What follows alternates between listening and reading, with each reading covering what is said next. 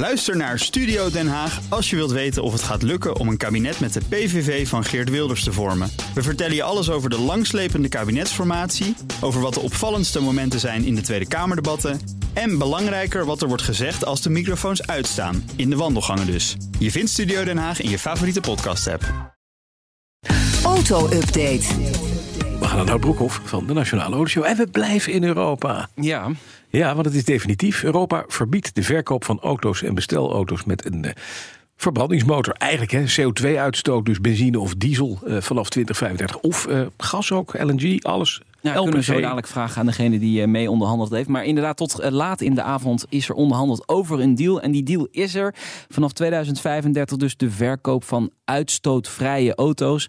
Dat betekent dus eh, auto's die volledig elektrisch zijn of op, op waterstof rijden. Ja, er is nog wat. We gaan naar VVD-Europarlementariër Jan Huytema. Want die was hoofdondelaar namens eh, het Europees Parlement op dit dossier. Meneer Huytema, goedemorgen. Ja, goedemorgen. En dat niet alleen, maar ook groot tegenstander van dat hotel waar jullie het net over hadden. Ja, nee, dat is veel- Ik is naar Straatsburg. Ik, dat, u, Nee, dat is schandalig. u neemt me de woorden uit de mond, dat wil ik ook weten. Maar fijn dat u ermee komt, meneer Huytema. Want dat gaan we niet doen, een groot hotel bouwen daar. Hè? Een grote ergernis van mij. Ja. Absoluut. En sowieso het heen en weer gereis eh, Ja. van Brussel eh, naar Straatsburg. Het is een grote verspilling. En als we het over klimaat hebben, Mhm. ja, dan kun je het ook moeilijk verkopen dat we dat nog altijd gaan doen. Dat is inderdaad helemaal het verhaal. En dan ondertussen de, de, de, de burger in Europa verplichten dat die van 2035 allemaal in hele mooie CO2-uitstootloze auto's gaat rijden. Eigenlijk. De auto-industrie volgt dat al een tijd toch, meneer Uitema. Het was, eh, u, bent, u bent later met de beslissing dan de auto-industrie eh, de beslissing genomen had. Nee, 100% hè. Dus eh, dit waren ook eh, makkelijke onderhandelingen. Ja. Eh, hele grote, he- een groot deel van de autofabrikanten staat hierachter. En ja, ik denk dat het goed nieuws is voor, voor autofabrikanten, omdat zij een, een, ja, een, een investeringszekerheid hebben, duidelijkheid hebben. Dat ze ja, nu zich helemaal toe kunnen leggen op de waterstofauto en elektrische auto en daar hun R&D in aan kunnen besteden. Maar ik denk ook voor de consument, hè, want ehm, eigenlijk de, de, de aantal modellen van bijvoorbeeld elektrische auto's is nog beperkt. En er zijn best wel wat mensen, zeker nu is een dieseltekort, de, de brandstofprijzen gaan omhoog, die best over willen stappen. Maar ja, te- tegen die grote aanschafprijs van zo'n elektrische auto uh, Mhm. aanhikken. En eh, Ja. ja. met deze wetgeving gaat dat, eh, gaat dat veranderen. Er komen meer modellen op, op de markt. En ook door die, die ontwikkeling eh, ja, gaat de prijs van zo'n elektrische auto naar beneden. En is ook de verwachting dat ze goedkoper gaan worden eh, ten opzichte van bijvoorbeeld eh, auto's met verbrandingsmotor. Ja, dat is te hopen. Dan zou er ook mogelijk een tweedehands markt op gang komen. Maar ja, het punt is, nu is dat nog bereikbaar. Hè? Je koopt nu een goedkoop benzineautootje en een, en een elektrische auto is nog vrij duur.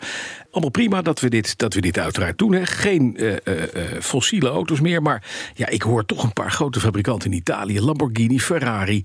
Op de achterste benen. Want ja, die mogen geen sportauto's meer gaan bouwen. Die hadden een uitzondering gevraagd. Maar ook rukzichtloos trekt Jan Huytema daar de stekker uit. Geen Ferraris meer met een V12, meneer Huytema. Dat is toch niet te verkopen? Dat is alsof je een, een, een, een- een setje eh, wedstrijdzwemmers zet van nou... in het kader van het milieu geen armen meer gebruiken, heren en dames. Ja. Nee, zij hebben een uitzonderingspositie gekregen. Die dus, ja, zo, zogenaamde derogatie die, die geldt eh, nou, tot 2036. Gelukkig. Een jaartje. Een jaar. Ja, een Het jaar. was, het, het was tot, 2000, tot 2030 zouden ze Ja. eh, die uitzondering hebben. Wij hebben dat met zes jaar verlengd. Ja. Ehm, eh, maar ik ben bij, bij Ferrari geweest en ook bij Lamborghini. De Ja. eerlijkheid is wel dat Ja. zij heel erg druk bezig zijn met een hele, ja, hele gave elektrische variant. En dat zij daarin de beste willen zijn eh, van, eh, van, eh, ja, van, Mhm. Ja. van eigenlijk de hele, de hele, hele vloot die we hebben op de Europese markt. Ja. Kijk, voor raceauto's en de kleine Mhm. oplagen eh, is het gewoon nog eh, mogelijk om eh, verbrandingsmotoren te hebben. Eh, dus het is ook niet zo dat er niet meer geraced gaat worden. Het is puur voor mensen die zo'n auto ja, op kenteken hebben die op de weg komen. En ik denk dat dat ook goed is. Want waarom zou dan ja, mensen hè, die, die, die een grote beurs hebben, ja, eigenlijk hier eh, niet aan mee hoeven doen, niet klimaatvriendelijk hoeven te rijden. Kijk, voor de sport vind ik een ander verhaal. Maar voor ja, gewoon het eh, alledaagse gebruik van, eh, van auto's, Ja. denk ik dat we gewoon de gelijke monniken gelijke kappen moeten U, u kent heel veel van die CEO's hè, van de Nederlandse bedrijven, van de hoofdfondsen van de AX. Rijden allemaal in hele mooie elektrische auto's. Weet u wat ze in de garage hebben voor het weekend? Ik denk een mooie oldtimer. Dat denk ik ook, ja. Maar dan wel met een zescilinder boxermotor vaak. Eh, maar maar meneer Bas ook, Huytema, hè? Jij even... ook, hè, om Bas? daarop, daarop in, om geen misverstanden te, te, te hebben Ja. daarin. Kijk, die oldtimers, Die mogen. zul je altijd, die zul je altijd kunnen Ja, blijven rijden. Ja. Dit gaat over nieuwe auto's. Ja. En wat interessant gaat worden, waarschijnlijk zullen die auto's op een gegeven moment niet meer op fossiele brandstoffen rijden, omdat dat er niet meer is op een gegeven moment. Nou, dat komt synthetisch, hè? Dat wou ik net zeggen. Daarom is het heel belangrijk dat wij gaan innoveren op synthetische brandstoffen Precies. die ja, van elektriciteit gemaakt zijn. Nou, nou komen we op een belangrijk punt, meneer Uitema. Daar wil ik het met u even over hebben, want dat is niet, niet, on, niet onbelangrijk. We gaan dat wagenpark weliswaar vergroenen. Maar wat we erin stoppen is allerminst groen hè, op dit moment. We zijn daar wel vrij snel een slag aan het maken. Ik heb net eventjes zitten tellen hoeveel waterstoftankstations wij op dit moment hebben waar je nu kunt tanken. En dat zijn er, behalve één die even kapot is, Er zijn er nu dus zes waar je vandaag kan tanken in Nederland. zijn er een paar in de aanbouw. Maar boven de twaalf komen we niet snel. In Duitsland zijn ze dat aan het nastreven naar 100 te krijgen.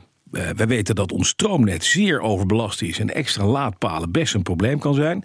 En die waterstof voorlopig, ja, die is gewoon eenvoudigweg niet altijd groen. Hoe gaan we dat nou laten versnellen? Want daar speelt met name de overheid een hele belangrijke rol.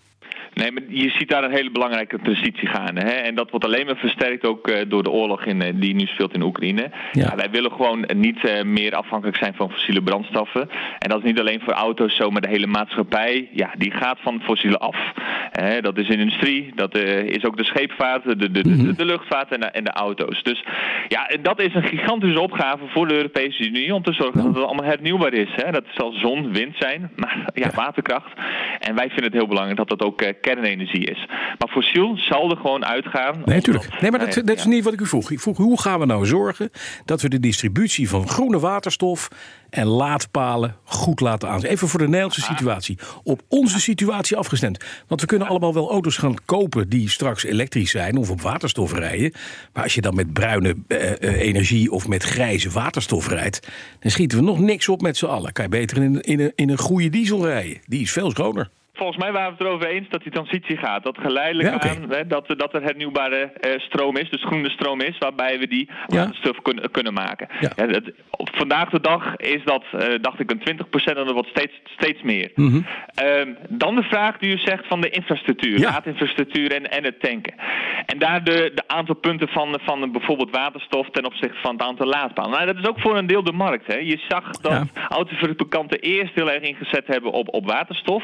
Maar er ook achter komen van ja, op één waterstofauto, de elektriciteit die daarvoor nodig is, ja, kun je twee eh, elektrische auto's la- laten Ja. rijden. Dus het is ook vooral de markt die dat doet. Mhm. En wij maken daar ook geen keuze in. Wij laten dat eh, vrij. Sterker nog, Ja. wij hebben een andere wetgeving waarin we zeggen dat eh, Mhm. lidstaten juist die waterstoflaadpunten moeten gaan maken. Ja. Ondanks dat de markt dat niet altijd naar vraagt. Ja, precies. Ehm, en dan over het net, wat, wat u zegt. ja. Ja. dat is een heel interessant. Hè? En zeker Nederland heeft daar ten opzichte van andere landen wat meer een probleem mee. Wij hebben een heel goed gasnetwerk.